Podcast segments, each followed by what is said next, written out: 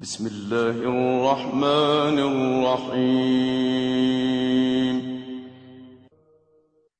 وقضى ربك ألا تعبدوا إلا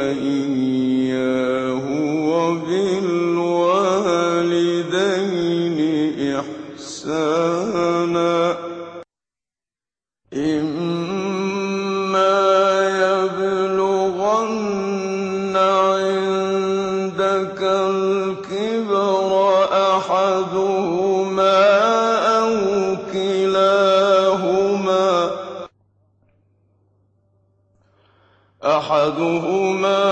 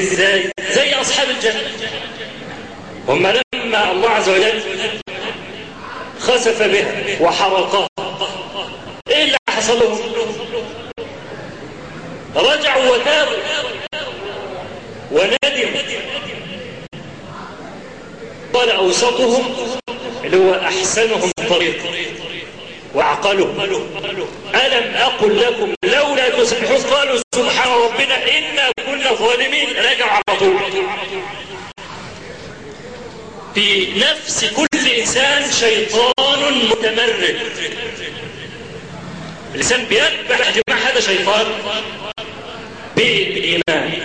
فالضعف الإيمان وطلع المال وناوي يعمل حاجة. ربنا يسر فيقف. لأنه لو تركه لكان ماله إلى النار فيقوم يضر رايح مثلا يقتل حد. يزني يسرق يكسح. يجي له مرض. خلاص تحصل أي مشكلة له. لأن هذا الإنسان المؤمن. إذا أصيب بمصيبة لابد أن يقدر في نفسه أن الله لطف به. لابد أن يقدر في نفسه أن الله لطف به. أحد إخواننا المشايخ كان في أمريكا لما حصل سقوط الطائرة المصرية في المحيط سنة 98 اللي هو قال لك توكلت على الله و... وقام نازل بإذن فتوكلت على الله عند جماعة الأعاجم الكفرة دول معناها الانتحار. فالمهم إنه كان يعني صاحبنا سيرجع في هذه الطائرة ولكنه لم يؤكد الحز فرأى في المكتب شيء عجيب. رجل من أصحاب النفوذ بالتي واللتي يستخدم نفوذه بالكامل عشان يسافر على هذه الطيارة. وهو عجز كل العجز أن يلحق بمطعم. طبعا هو رجع لم يأسف يعني هو قال إنه لم يأسف على إنه رجع مش كده أنا اسافر بكرة بسافر بعده. الطائرة طارت 50 دقيقة وبعدين أصابها ما أصابها ونزلت في الإيه؟ نزلت في المحيط. الرجل اللي استخدم نفوذه ده واستخدم مكان كلها. لو كان يعلم لو كان يعلم ما أقدم على هذا. لكن أحيانا يختار المرء حتفه بنفسه. يختار الطريق اللي هيموت بيه. وهو لا يدري. عشان كده أول ما يصاب الإنسان بمصيبة سن الله عز وجل له أن يقول إنا لله وإنا إليه راجعون. عندما يصاب بمصيبة. طب أنا عايز أقول حاجة. ما هو من المحتمل نقلب الصوت. من المحتمل لا يلحق بمقعد عشان يموت. ما هو مش لازم يعني كل ما تأخر انت لا ممكن العكس. زي زمان لما كنت في إسبانيا آه حدث منظر لا ينساه المرء ابدا. شاب مصري من اليوم كان في إيطاليا وبعدين بيشتغل في فترة الصيف وكان وحيدهم ونزل قبل يعني ما يسافر بقى حوالي 3 4 أيام أخذ القطار الدولي اللي ما بين إيطاليا وإسبانيا وقال لك نعمل فسحة كده في إسبانيا ومنطقه الصورة التذكارية والكلام ده. هو نزل القطار وبدأ يمشي في الشارع وإذا ولد مخنوق يقود إيه موتوسيكل ها وضرب طياره 25 متر في الهواء. نزل ميت على طول. وتناثرت الأموال التي كانت في جيبه. طب ده رايح عشان بس. لكنه كما قال النبي صلى الله عليه وسلم إذا جعل الله منية عبد بأرض جعل له إليها حاجة. هيموت في الهند تطق في دماغه إنه يبقى تاجر بهارات. إزاي ما أعرفش؟ لازم أروح وافتح بهارات واجيب الاعشاب الطبيعية من الهند والكلام يا اقعد الاعشاب موجودة في البلد ابدا هو الهند ولا شيء الا الهند ويروح هناك عشان في الهند. والمسألة دي كلها سبب. الناس كلها تقعدوا وهو راضي يقعد ليه؟ هاجر لازم هيروح له. خلاص. فده طالع من ايطاليا رايح إسبانيا علشان يشم هواء وانتقت الصورة التذكارية طبعا ده شم هواء انتقت إيه؟ الصورة التذكارية ورحل إلى الله. تبارك وتعالى. فمن الممكن إن هو يتخلف عن الطائرة علشان برضه يدخل فيه موتوسيكل. وموتوسيكل يعني الموت سريع. موته والسيكل دي من عندي يعني سريع يعني. ها؟ فهو الإله من خصائص الإله أنه يضر وينفع. طب الجماعة المفترية دول يفعلوا وغيروا سنة أبيهم. رجل الفاضل الذي كان ينفق على الفقراء وكان الفقراء بياكلوا منه كانوا بيستبدلوا يوم الحصاد وعايزين يغيروا الخطة عمل فيهم إيه؟ نفعهم. نفعهم بإنه أزال الجنة من على الأرض. كانت الأرض سمراء كانك لسه وما زرعتش فيها حاجة وهم أصلا رايحين عشان ياخدوا الإيه؟ ياخدوا ثمار فكان من لطف الله عز وجل إن هو ضرهم حتى يرجعوا ويعترفوا بالإيه؟ بالذنب. ده الخطا الاولاني الخطأ الثاني كما قلنا اللي هو البخل. بحق الله تبارك وتعالى. النبي عليه الصلاة والسلام يقول إن الله كما في الصحيحين إن الله يقبل الصدقة بيمينه ثم يربيها للعبد كما يربي أحدكم فلوه فلو الخيل تقعد تأكل فيه وتشرب فيه لحد ما يبقى سمين. كذلك الصدق يتلقاها الله عز وجل منك إذا تصدقت بها بيمينك ويربيها للعبد كما يربي أحدكم فلوه حتى تصير كالجبل. حتى تصير كالجبل. درهم اللي أنت أنفقته صار كالجبل.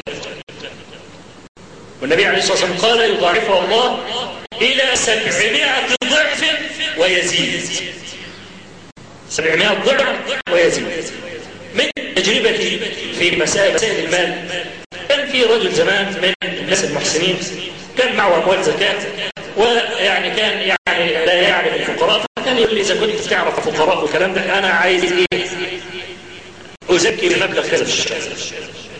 خلاص طالما بزكي مبلغ كذا في الشهر شفنا كام أسرة. وبدأنا نقول لهم يا جماعة أنتوا هتاخدوا كل شهر مبلغ كذا كذا عشان يعمل حسابه على المرتب بتاعه والمبلغ اللي هيجي له من بره فيرتب. فأول شهر وثاني شهر وثالث شهر كويس.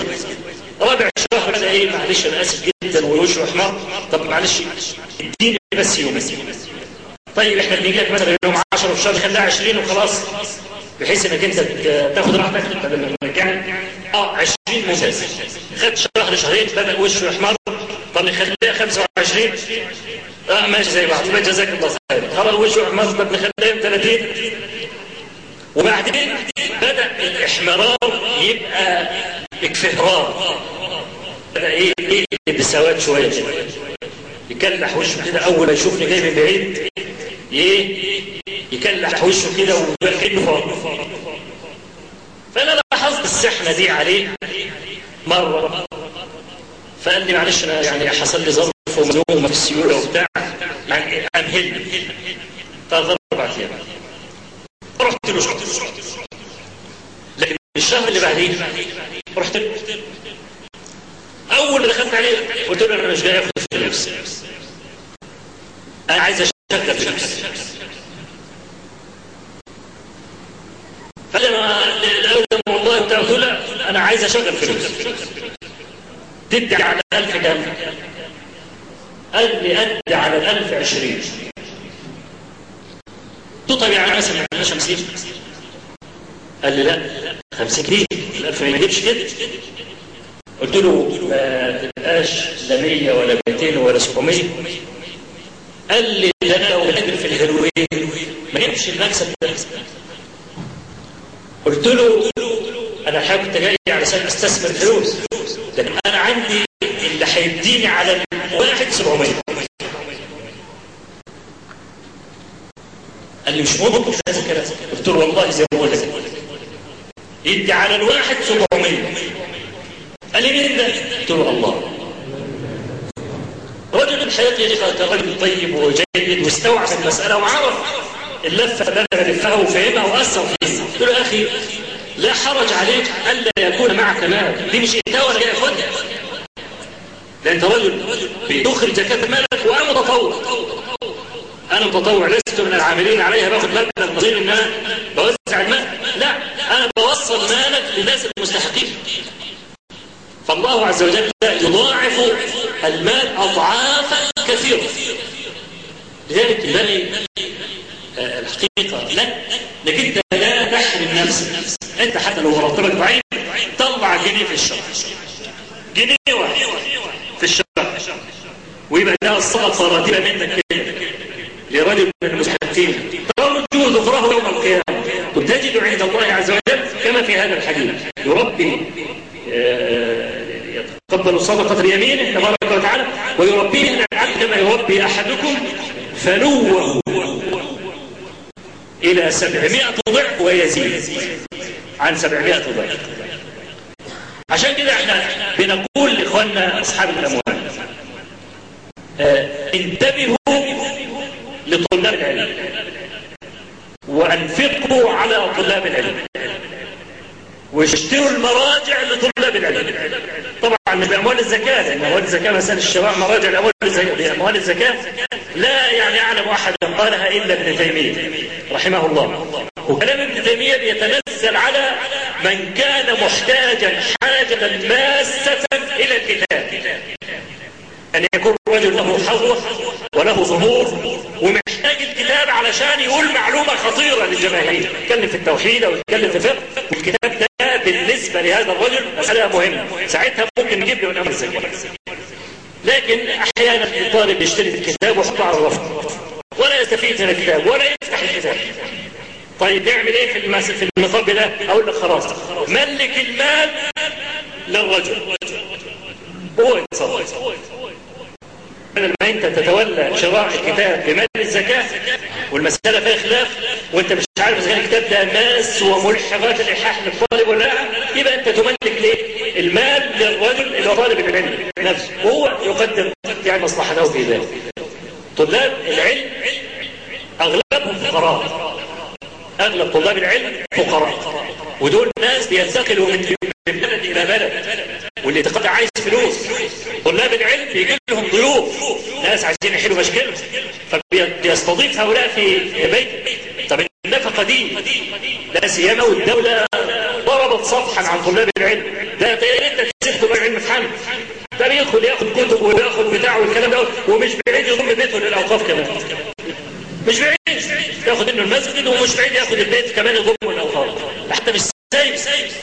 اللي ممكن يكون بقاله سنة بيشتري فيه عادي جدا ممكن داخل لمح البصر فهم وراهم مشاكل كثيرة طلاب العلم وراهم احتياجات.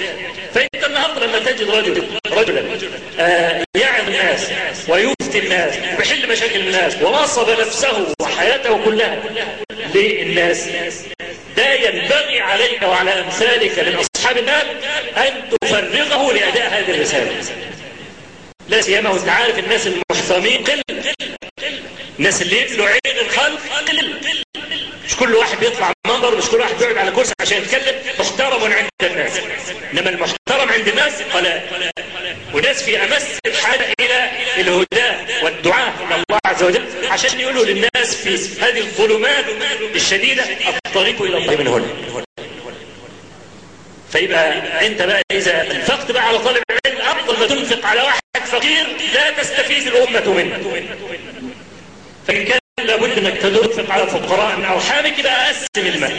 وابحث بقى على طالب علم جيد في بلده له حظوة أو له يعني كلمة وأنفق على هذا الرجل واغفر هذا الرجل.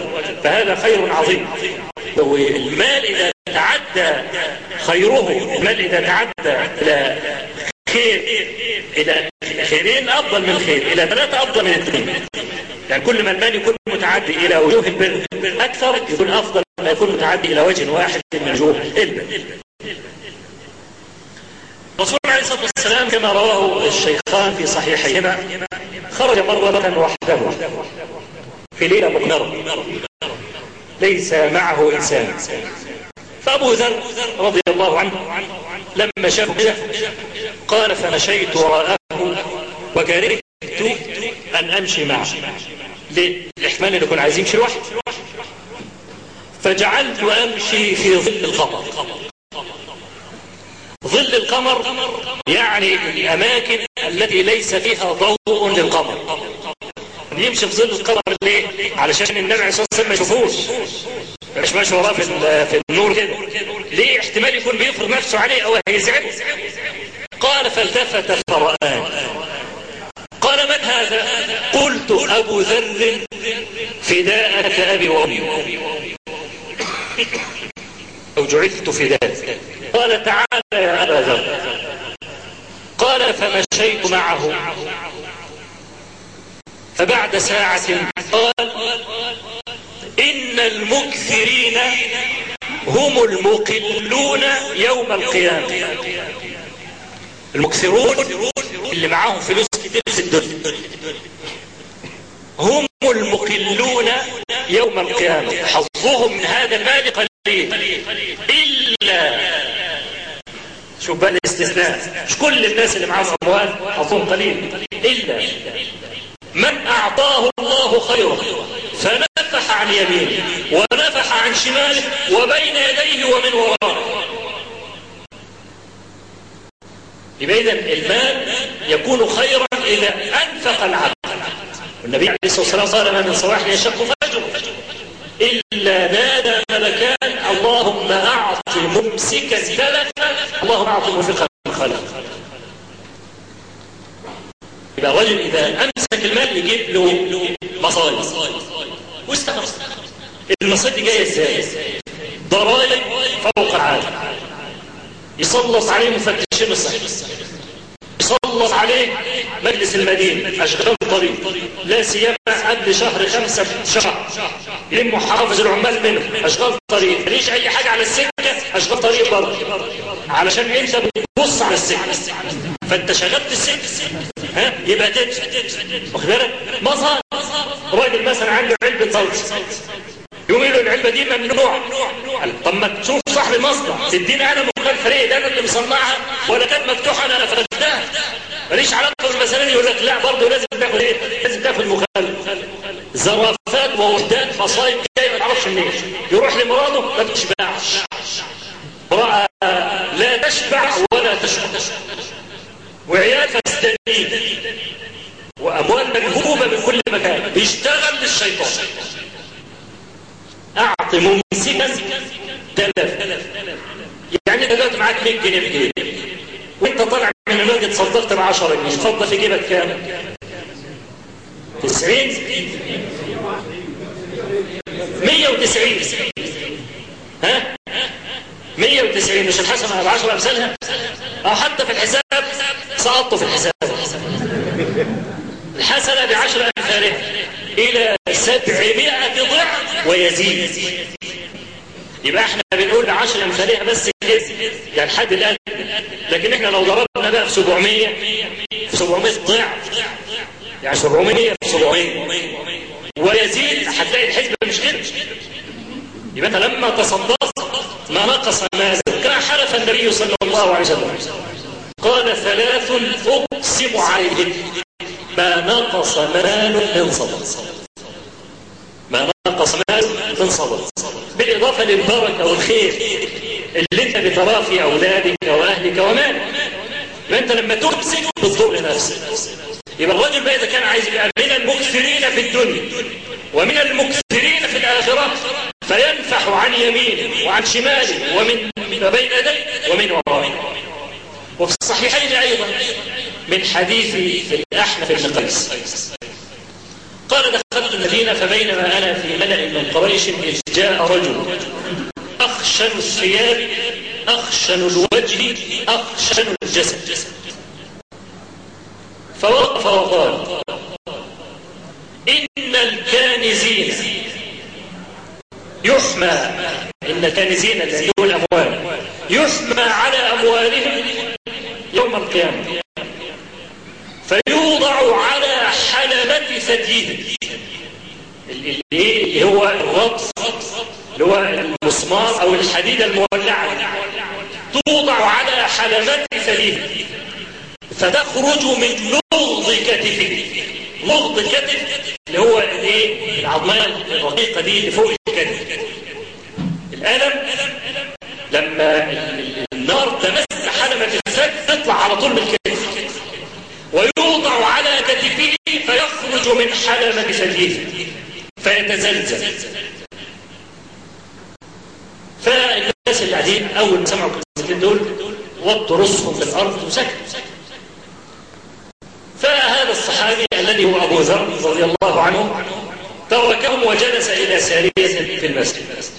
الاحنف بن قيس خد بعضه وراح قال له والله يعني إني لأراني لأراك قد حدثتهم بشيء كرهوه حاجة مزعجة. قال إنهم لا يعقلون شيئا. إن النبي صلى الله عليه وسلم دعاني يوم. قال أتعرف أحدا؟ تعرف جبل أحد؟ قال فنظرت كم بقي لي من الشمس. فكر انه هيبعته مشوار حد أحد؟ على الشمس كم بقي من النهار. خلاص هي هي هيقدر يروح ويوصل الكلام ده هل تعرف أحدا قال نعم يا رسول الله. قال ما يسرني أن لي أحدا ذهبا.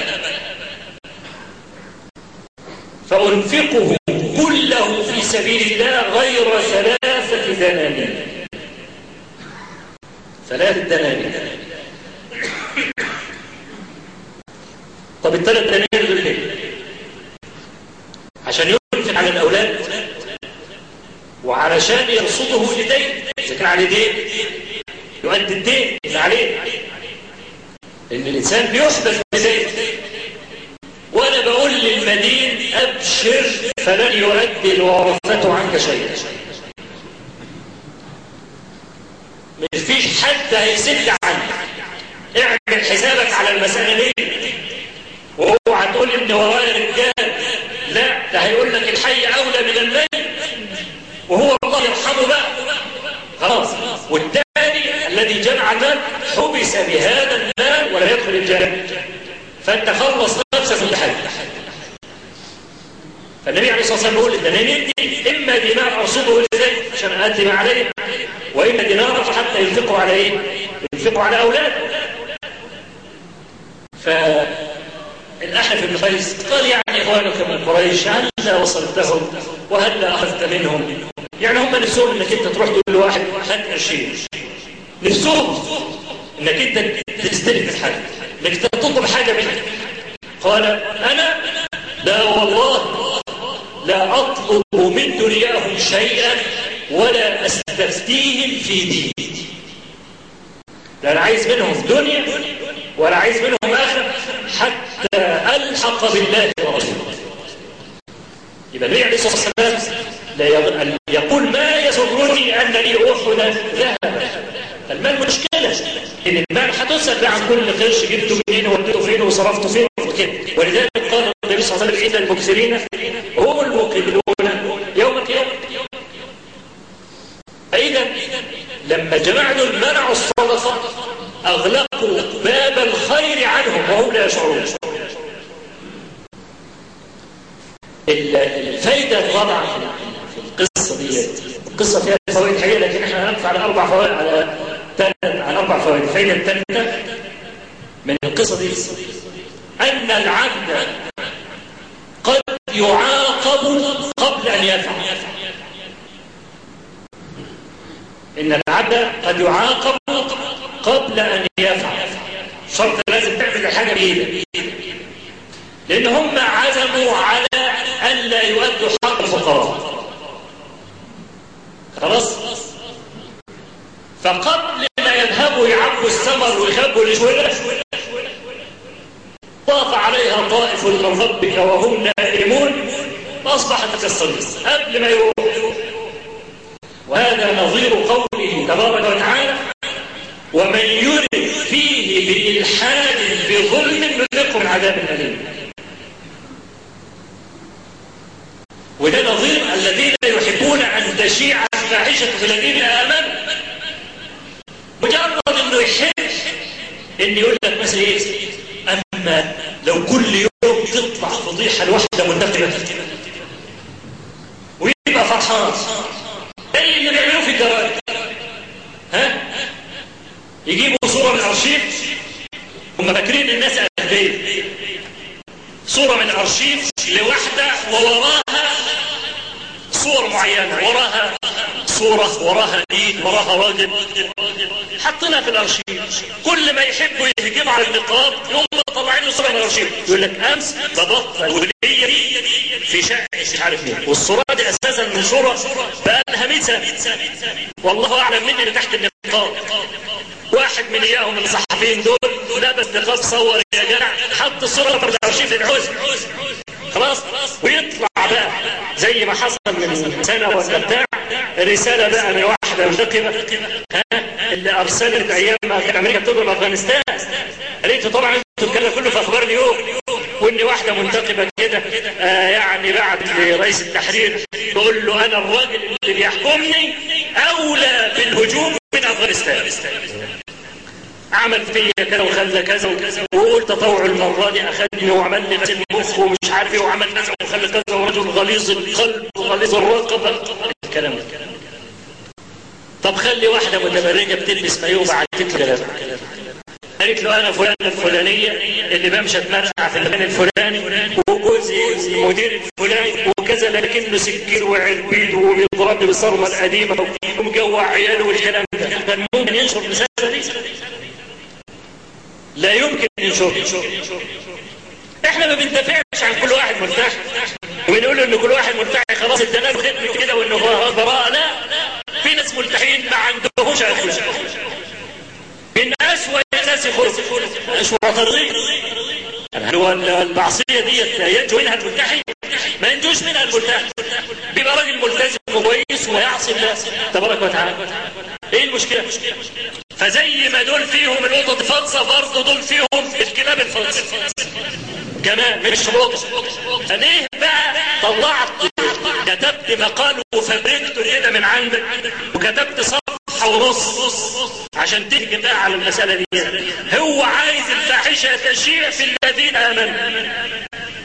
مجرد ان هو يحب كده بس مش يمسك القلم ويقعد يكتب مقال صفحة ونص. لا ده كده بقى الضغط على إقبال. فهو مجرد انه يحب إن الناس المستلزمين يتفضحوا هذا مهدد بعذاب الله طيب إزاي بقى نفهم بقى لها ما كسبت وعليها ما اكتسبت فقال لك لا إلا إذا فعل ادي معنى وعليها اكتسب. طب الجماعه دول ما عملوش حاجة ده المسألة كلها إنه فكر يم. هو الشر ممكن يخلو منه ذهن إنسان؟ عادي إنسان واحد مثلا كده لوحده ممكن يطق في دماغه فكرة انه يقول أنا لو أمسك جاري ده أذبح واخد فلوس واتجوز مراته. فكره طلعت في ما عملش حاجة. خلاص؟ ما عملش حاجة أهو. طب ده يحاسب ولا ما يحاسب لا يحاسب. خلاص؟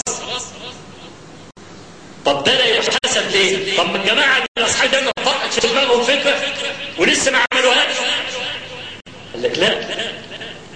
ده أصحاب الجنة انعقد قلبهم على المن.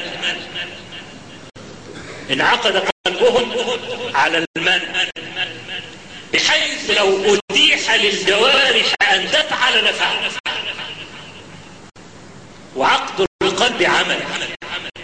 عقد القلب عمل.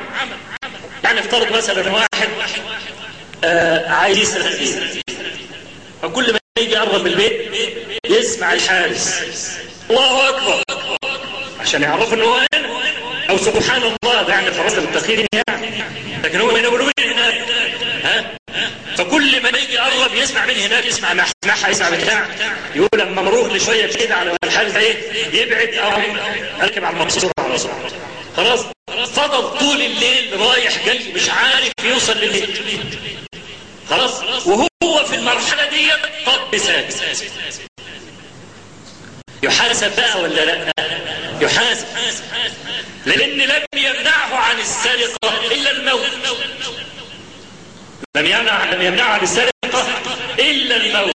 انعقد قلبه على المعصية ولو تهيأ له أن يفعل لفعل الجواب. عشان كده النبي عليه الصلاة والسلام قال من هم بحسنة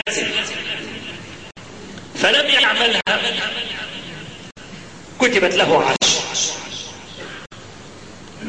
ومن هم بسيئة من هم بحسنات فعملها كتبت له عشر فإن لم يعملها كتبت له حسنة ومن هم بسيئة فلم يعملها كتبت له حسنة. فإن عملها كتبت عليه سيئة. مش عشر يضاعف في الحسنات ولأنه رحيم وغفور ما يضاعفش في العقوبه ورد في بعض طرق هذا الحديث من هم بسيئه فلم يعملها كتبت له حسنة وقال الله عز وجل إنه تركها لأجلي لو تركها لأجلي عشان كده لو ما عملهاش تتكتب إيه؟ تتكتب حسن. لكن هذا الرجل الذي ذاهب ليسرق البيت أو ذاهب يعتدي على حرمات البيت ده لم يصده.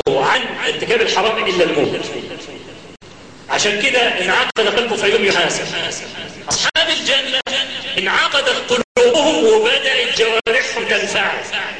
الفجر والعالم كلها نايمة. أنا قوم قوم قوم قوم قبل ما يصحى. إذا انعقد القلب وانفعلت جارحته لذلك. اللي يخطر على باله إن هو يلحد في الحرم مجرد ما ينعقد قلب على أن يلحد في الحرم مع مكانة الحرم يعذبه الله تبارك وتعالى.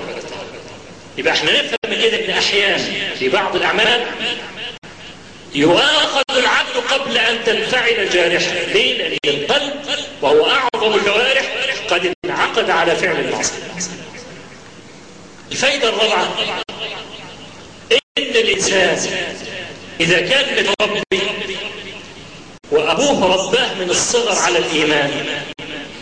حتى لو شرد عن طريق الإيمان في حياته يعود إليه. ودي مسألة خطيرة ومهمة. الآباء ينبغي أن يراعوا مصلحة الأولاد. يربي ابنه على التقوى. ممكن الولد ينحرف لكن لعل عناية الله تدركه كما أدركت أصحاب الجنة. هم أول ما وجدوا الجنة. سوداء. أرض محروتة كده ما حاجة. قالوا إنا لضالون. ده إحنا تهنا ده مش دي السكة ولا الجنة بتاعتنا.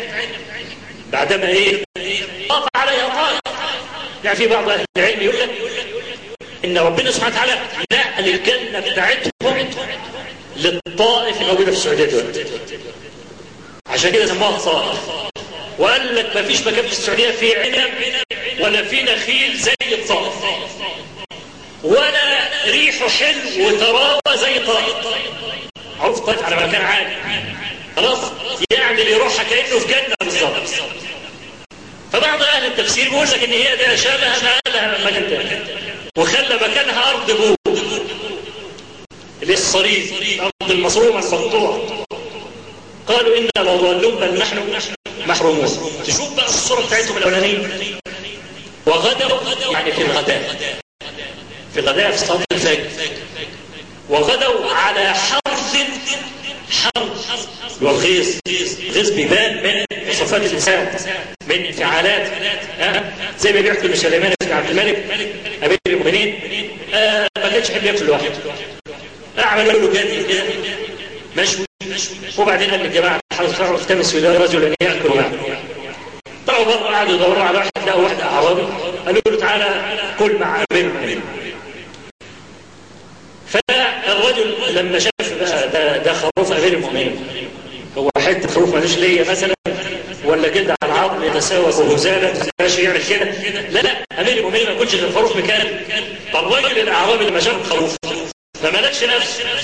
نزل بقى إيه؟ شغل بقى فتح كرش وبتاع وخلي ايده نحاء على جنب كده وبتاع وقعد ياكل. وهو منفعل بالاكل بس سليمان لما شافه بياكل كده قال له إيه؟ ما لك تأكله بحرب وانت بتغرس كده؟ كأن الله مضحك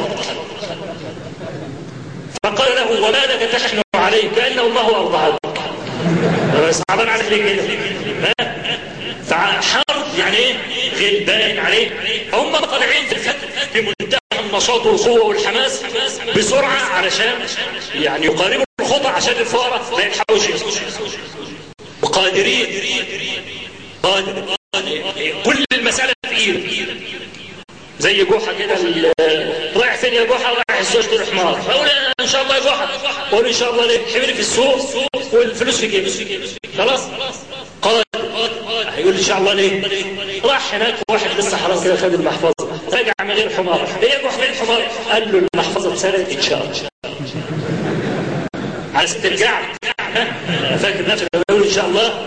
اللي هيرد فهؤلاء لما خرجوا بهذه الصورة التي ذكرها القرآن ووجدوا الأرض نور وقالوا لا دي مش أرضنا وإحنا كده غلطنا في السكة. إنا لضالون بل نحن محرومون.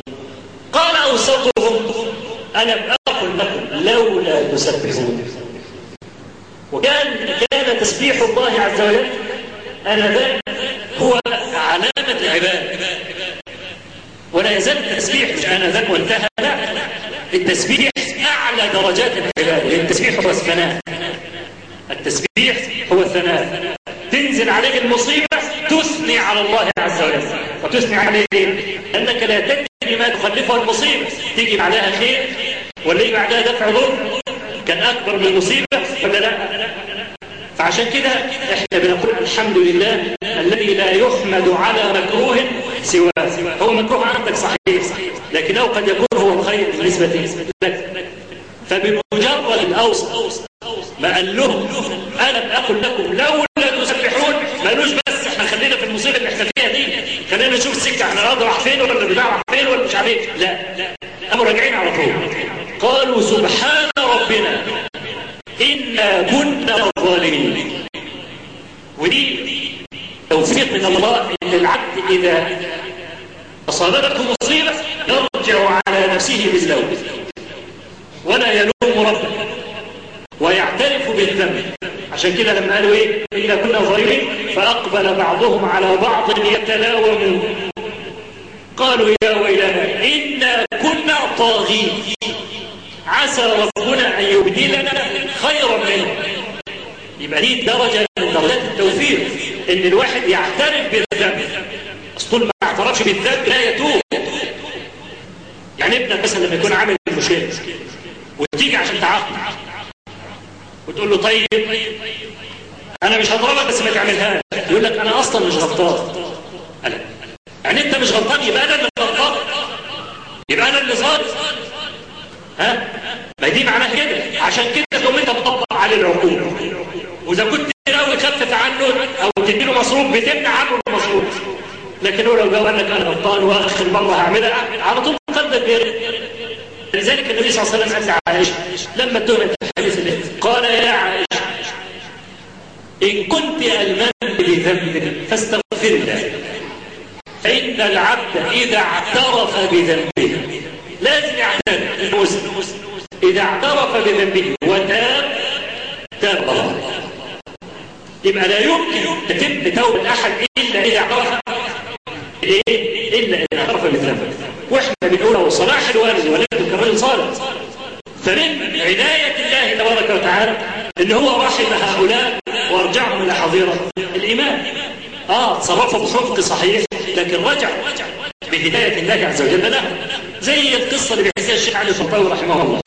بيقول مرة أحد الشيوخ قالوا جماعة من طلبة العلم. وبعدين درس لهم فترة من الفترات فكان فيهم يعني شاب تقي لكنه كان أحمق. فيه غفله يعني الشيخ قال لهم يا أولاد ينبغي أن يبحث كل واحد منكم عن عمل ولا تتكلفوا الناس. لسان اللي بيمد إيده كلمته ما توصلش للقلب. فأنت عف نفسك وعز نفسك واشتغل. إن شاء الله تشتغل على مزنقات اشتغل كده بالفعل والكلام. بس عف نفسك عشان تبقى محترم. فكل واحد ابوه كان شغال شغل يروح شغال شغل أبوه. فالولد ده قام طلع وراح لأمه. قال لها أبويا بيشتغل إيه؟ فالأم طلبت كده احمر ليه يا ابني؟ كفر الشر. أنا لازم اعرف شغل ابويا يا ابني ما تشوف شغلانة غيرها. قال لها لا ابويا الشيخ قال لي اشتغل شغل أبوك فأنا لازم أشتغل شغل له يا ابني أبوك كان حرام. كان نفس قال خلاص دي ربنا قسمها لي وأنا هشتغل شغل. خلاص. فطلع بقى عشان يسرق. الواد إيه عنده تقوى هو طبعا الشيخ قال لهم إيه أن كل يعمل بعمله وليتقي الله خلاص حرام هيتقي الله إزاي طبعا طالع قال لك نسرق الجنان طلع قال ده جار توصل رسالة جواز لا ده أسير تاخد الدار اللي بعد طلع أيتام قال لك أيتام. إن الذين يأكلون أموال اليتامى ظلما لما يكونوا في بطون النار. أصلا من سعيد بقى الدار أيتام. لا فوق ما ينفعش. ما هو التقوى بقى إيه؟ مش عارف مش عارف يشتغل لحد ما فضل يمشي يمشي يمشي. وصل إيه؟ وصل لدار واحد غني قوي في البلد. أنا هو ده بقى. خلاص تسلق الجرار نط في الايه نط في الدار لقى دار واسعه كده واوض وبتاع والكلام ده. وكان معاه إيه فانوس قاعد يدور على اوضه الفلوس لحد ما لقى إيه الأوضة. الراجل طبعا إيه دار بقى دار فيحاء وكده. فهو نايم في الجناح العسكري وفلوسه في الجناح المال. فمش حاسس إن في واحد شغال في الدار. المهم وصل لليل الأوضة اللي فيها الفلوس لا ذهب وبتاع والكلام ده. فبدأ يعبي في الشريط وبعدين قام إيه إيه جايز ده ما يكونش بيذاكر. نطلع الأول حاجة تخلي الواحد أهو. حرام إيه ده؟ المهم كان كليتك كده وبتاع وقاعد يحسب الذهب في مش عارف إيه في البتاع في ها؟ اتفاجئ جدا عليه. يتقي الله. خلاص هيصلي بقى. خلاص. فلقى بير في الإيه؟ في الدار. طلع مية وقعد توضى وبتاع. الراجل صاحب الدار قام علشان يحس بحركة كده. وقايم على الفجر بقى. فالمهم لقى مين؟ لقى الفلوس بتاعته متكونة في شوية ورأى منظر عجيب قوي. الراجل إيه؟ بيتوضى وبتاع. فلما شافه قال له إيه اللي خلف بيك قال له الصلاة اولا. ها؟ شفتوا حرامي باللطف والظرف ده؟ الصلاة اولا. هو حرامي فقير بقى. قال قدموا على أساس هو رب البيت. ها؟ ولا يؤم الرجل الرجل إيه؟ سلطانه إلا به؟ صلى به. وقال له إيه اللي عملت ده ما خلص الصلاة. قال له بص أنا الحكاية كذا كذا كذا. والشيخ قال لنا اشتغل شغل تبوك واتقي الله. وأنا بقول حرام. فجيت عشان اتقي الله فخفت ما تكونش طلعت الزكاة قلت طلع حق الله في المال اولا. ها؟ ويأخذ المال فالرجل دماغه هيطير مش مصدق إيه؟ المساله دي. فقال له طيب أنا هقترح عليك اقتراح تاني. قال له إيه؟ قال له أنت أبو والدتك عايشة؟ آه عايشة. قال له تجيب والدتك تعيش معانا في القصر وأزوجك ابنتي وأجعلك وكيل. خلاص. وخلاص وراح جاب أمه وقعدوا بقى إيه؟ وكيل خلاص؟ ده بالحته التقوى اللي عنده. بالحته التقوى اللي عنده. شوف ربنا سبحانه وتعالى إيه؟ خلف عليه. ومن يتقي الله يجعل له مخرجا ويرزقه من حيث لا يحتسب. أو ما كانش يخطر على باله يبقى وكيل الراجل في المال ها؟ فعشان كده إحنا بنقول هو الإنسان إذا الأب رب في نفوس الأولاد التقوى ممكن التقوى دي تدركه في يوم من الأيام حتى لو تحمل حتى لو ارتكب غلطة من الغلطات الكبيرة. زي أصحاب الجنة تحامقوا حقهم حق الفقراء لكن أدركتهم عناية الله. أول ما قالوا مش انت غلطان وقلت له سبح ربنا قال سبحان ربنا إنا كنا ظالمين. وأقبل بعضهم على بعض يتلاومون. قالوا يا ويلنا إنا كنا طالبين عسى ربنا أن يبدلنا خيرا منها. إنا إلى ربنا راغبون ربنا سبحانه وتعالى ختم القصة بقوله كذلك العذاب. كذلك العذاب. كلمة كذلك العذاب يعني هو ده العذاب. طب أنا أقول لك على حاجة أكثر من كده. وكثير من الناس واقعين فيها. هم دول لما راحوا البستان. لقوا ما فيش بستان. لقوا أرض بور فكان مجرد الأرض البور مصيبه فما باله إذا لقى عياله ميتين والأرض محروقة. يعني لا أه ولا مال قال صلى الله عليه وسلم الذي يترك صلاة العصر. فكأنما وتر أهله وماله. صلاة العصر لوحده اللي ما يصليش العصر هذا مصيبته. كمصيبة رجل ذهب إلى بيته فوجد أهله جميعا موتى ولم يجد مات ودي صلاة واحدة. لو ساب العصر مرة واحدة كل بقى ما يسيب العصر يبقى مصيبته عند ربنا زي كده. فربنا سبحانه وتعالى لما يقول عن رجل فقد بستانه مش فقد أهله لما يقول كذلك العذاب يعني هو ده العذاب بعين أمال لو انضاف لكده الولاء والأهل كمان. يبقى لا شك إن المصيبه مضاعفة وكثير من الناس واقع في المسألة دي ما بيصليش أصلا ويترك مثلا عصر حتى لو بيصلي ويجيب الأربع فروض بعد صلاة العشاء. لا والله إن الله لغني عن عبادة هذا ماذا يفعل بهذا؟ أنت بتعمل كذا لنفسك لما ربنا يقول كذلك العذاب يبقى عذاب أليم. يبقى الذي تفوت صلاة العصر عذابه أشد من؟ أصحاب الجنة. ولعذاب الآخرة أكبر لو كانوا يعلمون. نسأل الله عز وجل أن يجنبنا وإياكم مسأل خطأه وأن يوفقنا وإياكم إلى راضين أقول قولي هذا وأستغفر الله لي ولكم وصلى الله وسلم وبارك على نبينا محمد والحمد لله رب العالمين.